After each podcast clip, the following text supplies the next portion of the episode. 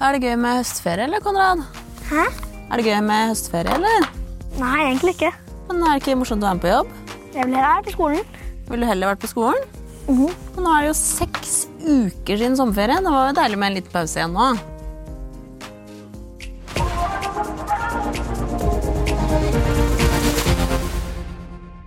God høstferie til dere som har det. Eh, Den siste uka har altså folk stått i kø for å kjøpe denne boka. Den er skrevet av en 22-åring om hvordan hun hadde det som 15-åring. Og nå har en tidligere venn engasjert advokat for å få stoppet boka, som VG kaller en skandale, men som ligger på toppen over solgte bøker på boklista. Og den er det du som har skrevet, eh, Anniken. Det har blitt mye bråk. Det har blitt mye oppstyr. Det har det. Angrer du på at du ga den ut? Angrer ikke. Jeg, jeg hadde ikke forventet at dette skulle skje. faktisk. Jeg vet ikke om det gjør meg veldig godtroende, men eh, jeg trodde det skulle gå mye mer stille i dørene enn det det har gjort. Men jeg angrer ikke. Jeg hadde jo gjort det igjen. Ja. Du, vi må bli litt bedre kjent med deg før vi snakker eh, mer om boka. Du er 22 år. Blogger mest kjent under navnet Annie Jord. Mm. Hvor mange er det som leser bloggen din Åh, det er rundt eh, 50 000-60 000 kanskje om dagen. om dagen? Ja. Og så er du stor på Instagram. Hvor mange følgere har du der? Oh, Gud, jeg holder ikke tellingen. 279? Ja. Ja. Ganske grei telling. Ja. Um, det gjør jo deg dette her til en av Norges største influensere. Du når ut til mange. Nå når du ut til enda flere med denne boka. Um, hva handler den om? Bare en natt til handler om eh, det å være ungdom, eh, først og fremst. Det handler om det å ha kjærlighetssorg, og det å liksom, at livet har veldig mange oppturer, men også veldig mange nedturer. Og ikke minst at det liksom ikke skal være farlig å snakke høyt om det. da. At, eh, at um, Det er ikke farlig å fortelle at man har kjærlighetssorg, og det er ikke farlig å fortelle at man er deprimert, og det er i hvert fall ikke farlig å fortelle hvor gal man blir når man på en måte faller hardt. da. Og det er en selvbiografi. Ja, Er det litt ungt å skrive selvbiografi når man er 22? ja kanskje. Uh, nei, altså jeg føler, jeg føler jeg har levd et kjempelangt liv. Ja. nei, men uh, det er mye som har skjedd, da. Og det er en historie å fortelle. Og jeg tror viktigst av alt at det er kanskje ikke så mange som gjør det, og derfor er det en historie å fortelle eh, allerede da, før jeg blir 20 år eldre og nesten glemmer litt hvordan det var. da. For det handler jo om deg, men det handler også om en del andre. Hvem da? Det handler om eh, eksen min, eh, som jeg da selvfølgelig snakker mye om. Eh, det handler om mellom forholdet mellom oss to. Eh, samt det å være ungdom, da, altså fra synspunkt i skolegården til ungdomsskolen til videregående, til drama som skjer, til hvor syk jeg blir, hvor desperat man blir, og liksom skambelagte ting. eh, og drite seg ut. Og liksom egentlig hele det scenarioet om å være ung. Men ekte mennesker. Ekte mennesker, ja. Mm. Så, og venner av deg, familien deres, eh, foreldre osv. Mm. Hadde du sagt fra til dem på forhånd om hva du skulle skrive? Ja, både ja og nei. Altså sånn, selvfølgelig De sentrale personene i boken har jo fått beskjed. Eh, De andre har jo visst i nå i hvert fall seks-syv år at denne boken hadde kommet til å komme. At du drev og skrev? Ja, ja. Det har ikke vært en hemmelighet. Og um, noen var det bare ikke så viktig med tanke på at noen var offentlige personer eh, allerede. Og andre eh, nevnes jo da ikke selvfølgelig med etternavn og sånne ting. Eh, så har jeg vært så forsiktig jeg bare kan være. Samt at jeg også ja, tenker på at eh, jeg har skrevet blogg i så mange år, og, og hvis jeg ikke skal snakke sant, hva skal jeg snakke da? da på en måte? For Du meg har er ikke liksom... sagt fra til alle, da? Nei, nei, nei. For det er blant annet en som har eh, reagert veldig. Simen Auke, som har eh, fortalt om det. Ja. Han har reagert på at han har blitt omtalt der Mm. med det som vi kaller for private detaljer om hans eh, liv. Og har nå engasjert advokat for å få stoppet boka. Sier han ville ikke godkjent dette hvis han ikke visste om det. Hvordan, Mm. hvordan reagerer du på det? Først og fremst så synes jeg det er kjempetrist. Eh, Hadde han kommet direkte til meg eller ringt meg eller sendt meg en melding og sagt at Anniken, det her er helt grusomt, få det her bort. Jeg hadde aldri visst at dette kom. altså hele det scenarioet der. Så selvfølgelig hadde jeg jo sagt unnskyld, beklager, dette ordner vi. Vi skal prøve å se på det. Selvfølgelig skal du ikke føle det sånn. Hadde du tatt det bort da? Ja, off- I hvert fall omformulert da. dette her han eh, nå reagerer på. Eh, Så mye som mulig. Hadde han til og med da følt at dette var ubehagelig, så ja, da hadde vi kunnet se på det, ja. Eh, Men i stedet så Burde du gjort det, tenker du? Nå? så burde du sagt fra til han? Altså Hvis jeg hadde gjort det igjen, så tror jeg ikke det. Jeg tror ikke jeg hadde gjort det, For jeg har rett og slett ikke tenkt over det. Og, og jeg har jo på en måte gitt fra meg et manus. Eh, og de ja, viktige personene, altså Han har nevnt tre setninger i en bok på 270 sider. Eh, og er en offentlig person. Hvis noen hadde skrevet eh, noe sånt om deg, da, hvordan hadde du reagert da? Selvfølgelig så, så, hadde jeg jo ikke likt det, men så er det igjen det at jeg er en offentlig person. Ting spekuleres overalt, det skrives om overalt. Hadde jeg gjort noe dumt, som jeg har gjort og kommer til å gjøre igjen, eh, så er det ganske kjent i media allerede. Og dette her, for meg i hvert fall, og for alle rundt meg og alle som er involvert, dette er ikke dette en hemmelighet. Eh, det som han nå reagerer på. Og men for de fleste andre så er det vel så er det kanskje det? Ja, men igjen, han er en offentlig person, og det hadde blitt spekulert om uansett. Og hadde jeg så ikke nevnt navnet hans, da, så hadde det vært ett tastetrykk på nettet, og du hadde funnet ut av det. Så for meg så ble det bare rart, og ikke, ikke nevne navnet hans. Vet du hvor grensen går for hva det er lov å skrive om andre og ikke? Nei. Nei. Og jeg er, jeg, er, jeg er, blogger, jeg er influenser. Jeg, liksom, jeg, har skrevet om mitt liv og selvfølgelig utlevert mange andre sine siden jeg var 15 år. Eh, men det omhandler mitt liv. da. Og, og ja, folk er involvert, men, men, det har jo aldri blitt reaksjoner på dette før nå. som på denne måten da. Og jeg er, så vant til å, vant til å gjøre det. Jeg har liksom alltid gjort det. Det får vi se om det, om det, er nok å være vant til å gjøre det. Vi skal nemlig lære litt mer om det fra de som virkelig kan det. I hvert fall hun som kanskje kan aller mest om ytringsfrihet i Norge. Anine Kierulf, bare kom inn her sammen med da din forlegger Alexander fra forlaget som har gitt ut boka, og kanskje burde stoppet den. Vi får høre. Anine, hvor går grensen for hva vi kan skrive om andre?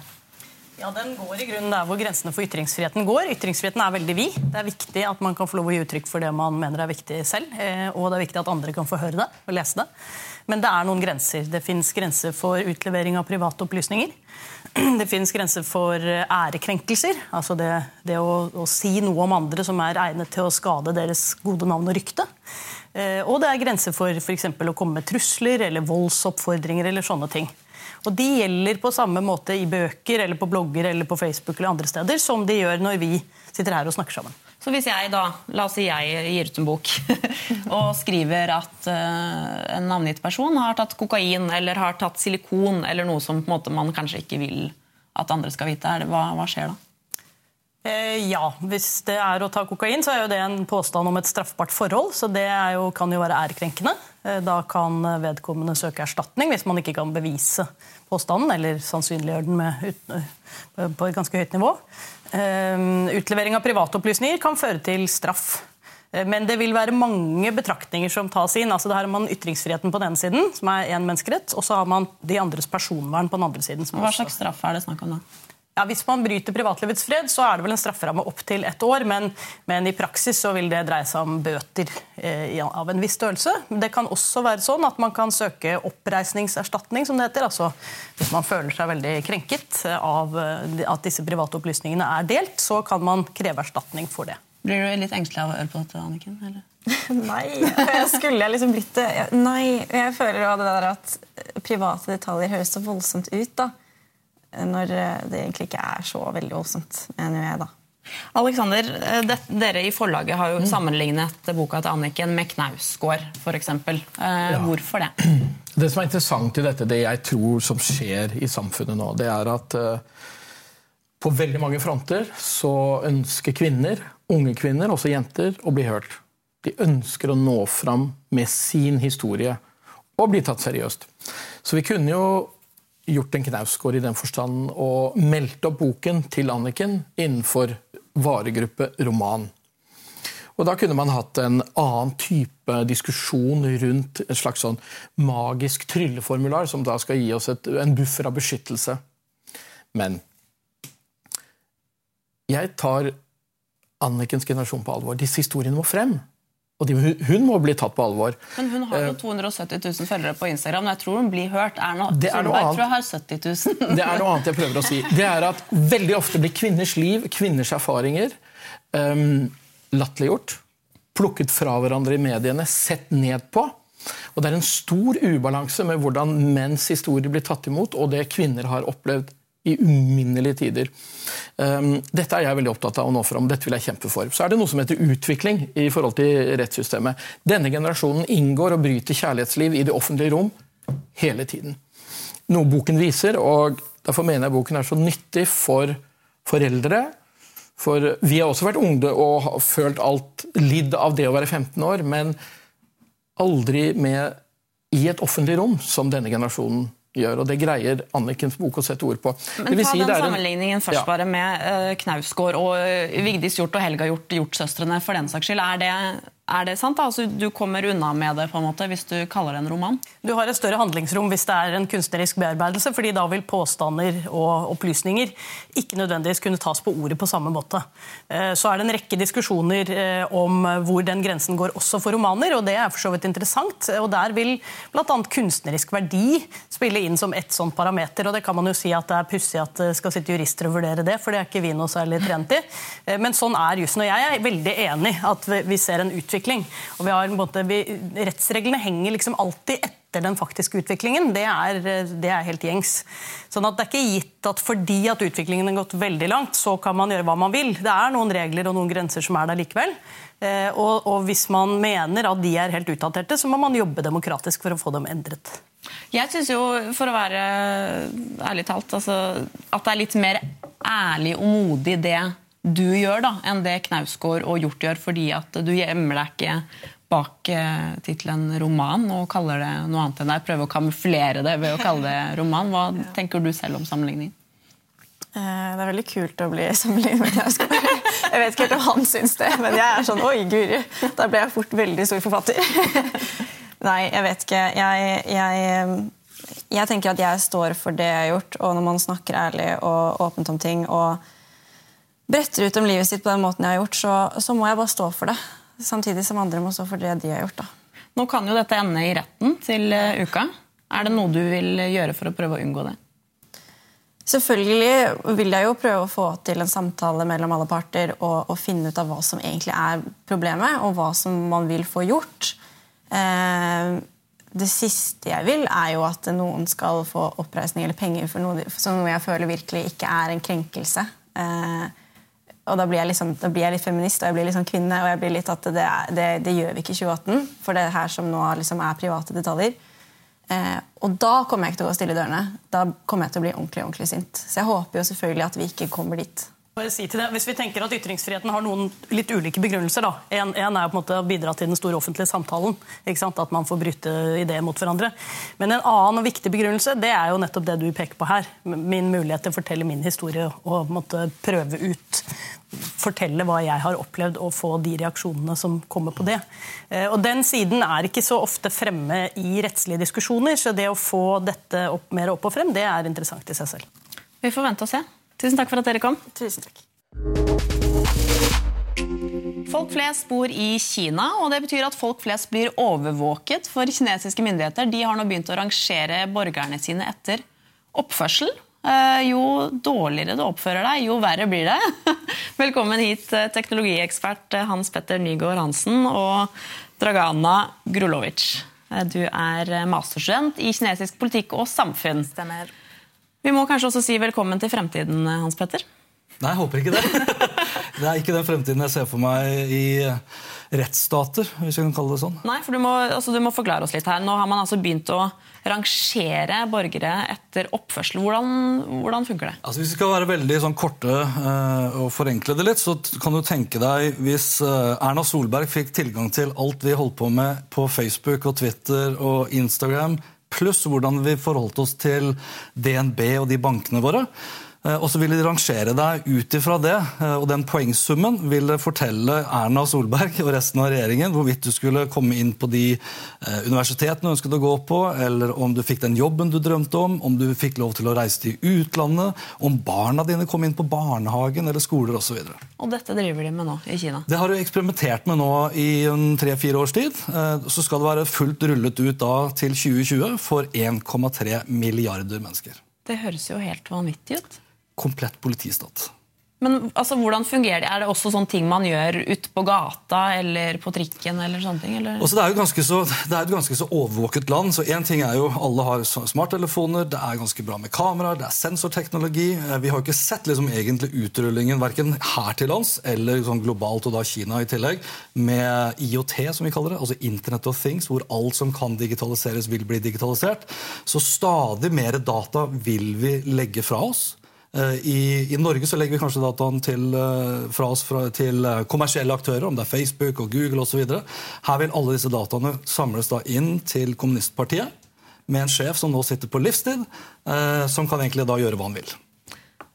Dragana, vi må få inn deg her. Du har bodd i Kina og studert der. Ja. Eh, opplevde du å bli overvåket på en måte da? Altså, Da jeg var i Kina, så var ikke dette eh, blitt så veldig godt implementert. I hvert fall ikke i Beijing. Så dette social credit-systemet opplevde jeg jo ikke noe del av. Men det er klart at når man bor i Kina, så opplever man og er bevisst på at det er overvåking som foregår. Så vi drev med en viss grad av sjølsensur, som jo er ganske vanlig for folk, altså eksperter som bor i Kina, og kinaforskere generelt, og journalister. hva gjorde dere da for å begrense dere selv? Vel, Du gikk ikke på internett og søkte etter sensitive temaer. Og Det merka jeg egentlig aller mest etter jeg kom hjem og skulle lage foredrag om sensitive temaer i Kina for norsk ungdom. Og kjente selv at det var litt vanskelig å faktisk google disse tingene. Fordi det setter en eller annen sånn øh, effekt inni deg, liksom inni ryggraden, som gjør at du egentlig ikke har lyst, fordi du vet ikke om du plutselig mister visumsrettighetene dine. og du føler at eh, det er noen som alltid på en måte følger med på det du gjør. Og i Kina kan du i hvert fall ikke søke etter disse tingene, fordi du, først og fremst har du ikke tilgang. Og for det andre så vil du ikke fordi du kan komme i trøbbel. Er det type ting man sjekker? Altså Hva folk søker etter, hva man driver med på nett? Altså, du, har, du har jo Google her som trakk seg ut fordi at de ville jo bli sensurert. De måtte liksom lage en søkemotor inn i Kina som, eh, som, de, som eh, ikke de ville stå inne for. Eh, nå er det penga som rår, så nå er de på vei inn i Kina. Og vi ser jo at vi er på mange måter i ferd med å skape et slags to internett. Da. Du har et sånn vestlig internett, eller for resten av verden, og så har du et kinesisk internett. Eh, og når Google nå skal inn, hvis de kommer inn i Kina, så vil jo de for ha fjerne muligheter for at du kan søke opp ord som f.eks. demokrati eller menneskerettigheter. Og det sier jo litt om den kontrollen de ønsker liksom ovenfra og ned på sine innbyggere. Vi må snakke litt mer om dette sosialkredittsystemet. Altså er det, du sier at det er et poengsystem. Ja. Hvordan, hvordan funker det? Hva får man poeng for og ikke da? Nei, altså du, du får jo da poeng på bakgrunn av f.eks. hvorvidt du oppfører deg pent. Altså hva du skriver på internett. Det er også poeng på bakgrunn av hvordan dine relasjoner oppfører seg. Så hvis du omgir deg med eh, dårlige mennesker som, som er som troll på nettet, eksempel, eller hvis du spiller for mye dataspill og liksom viser klart og tydelig 'jeg er en lat person', så får du dårligere poeng. Betaler du ikke regningene dine i tide, lavere poengscore. Og jo lavere poengscore, jo lavere står du på rangstigen. Altså Dette er en effektiv måte å bygge liksom et digitalt klasseskille på. rett og slett. Og hva slags konsekvenser får du? Du nevnte skole. blant annet. Altså, har det noe å si for hva slags jobb du får? Ja. Hva slags... Altså Dårligere skoler, dårligere jobber, eh, dårligere lånevilkår, dårligere boliger, eh, og kanskje du ikke får lov til å reise til utlandet. Hva begrunner Kina dette med, da? Sosial kontroll. Men er det ikke også noe bra altså De vil jo da at folk skal oppføre seg bedre. Ikke spille så mye dataspill og betale regningene sine. Det høres jo ikke så dumt ut heller. Det skal jo sies at det er et økonomisk aspekt ved dette som absolutt kommer til å ha positive effekter i Kina. Først og fremst så vil jo folk få en kredittscore, eh, som vil si at de i det hele tatt vil kunne få lån. Noe veldig mange i dag ikke kan, fordi et sånt eh, kredittscoresystem ikke finnes. En annen ting er jo at eh, veldig mange kinesere, og myndighetene også, håper jo at dette vil få bukt med veldig mange av problemene som allerede finnes i landet, f.eks. med matsikkerhet, som er et kjempestort problem. Og man tenker jo også at eh, Hvis disse bedriftene da for eksempel, eh, rangeres etter en kredittscore og er bevisst på at de konstant rangeres, så vil de unngå å gjøre disse store feilene de har gjort. Tidligere så har det dødd spedbarn som har drukket sånn falsk morsmelkerstatning. Altså, disse problemene er veldig store, og de er veldig tydelige. Og jeg tror En del av begrunnelsen er også at sånne type problemer vil gå vekk. Du sier at det blir til et slags kastesystem. Er det sånn da at man liksom vil De med lavere score vil ikke omgås de med høyere score, f.eks.? Ja, det blir jo spekulasjoner. Vi har jo ikke det systemet her i Norge. Men har vi noe som minner om det? eller? Eh, Altså, vi har jo, vi har, vi har jo influensere selvfølgelig, som da liksom kommer seg opp her i verden. For det er stor, Som Anniken, som var der i stad. Som får veldig mange fordeler. Men her er, der, er si, der er det mer kommersielt, det er frivillig, og det er et mer belønningssystem. Det du sier, er, kan, Man kan tolke det i en viss positiv forstand, men det er basert på trusler og negative konsekvenser. Eh, og det kommer fra øverste hold. Det, altså et, si, et demokrati og en rettsstat verdig, så er jo ikke det her innafor. Hva sa de vennene du møtte, altså de kinesiske vennene dine, om dette her? Mine kinesiske venner virker egentlig ikke veldig berørt av dette. fordi man må også huske at Kina har en veldig lang tradisjon med overvåkning. og Det blir ikke, det har på en måte ikke samme statusen i Kina som det har i vestlige land. det, liksom. De er vant til det. De har et system, eh, et sånt eh, filsystem, hvor eh, det lagres informasjon om enkeltmennesker lokalt av myndigheter. Og dette er et system som har vært til stede siden Mao-tida, så dette er på en måte ikke noe nytt. Det virker mer som en kjempestor eh, fortsettelse av det, og en digitalisering. Og som en venn av meg sa, dette har jo alltid vært der, nå er det bare digitalisert. Så hva er forskjellen? Og nå medfører det jo også positive konsekvenser for folk som gjør det bra. Og kinesere er jo, altså i frykt for å generalisere, men de er jo et folk som gjerne faktisk vil gjøre det bra. Det er et land stort prega av moral. Og jeg tror kanskje mesteparten, uten at jeg vet, jeg har jo ikke forska på dette, tenker at kanskje det ikke vil være så dårlig for meg, fordi jeg er jo et godt menneske. Mm. Det høres jo litt heftig ut å overvåke alt eh, borgerne gjør, men på den annen side, da, hvis vi hadde hatt det her, så hadde vi jo endelig kunnet funnet ut av hvem som egentlig sendte den SMS-en til Liv Signe Navarsete. ja, jeg lurer fortsatt på det, altså. Tusen takk for at dere kom.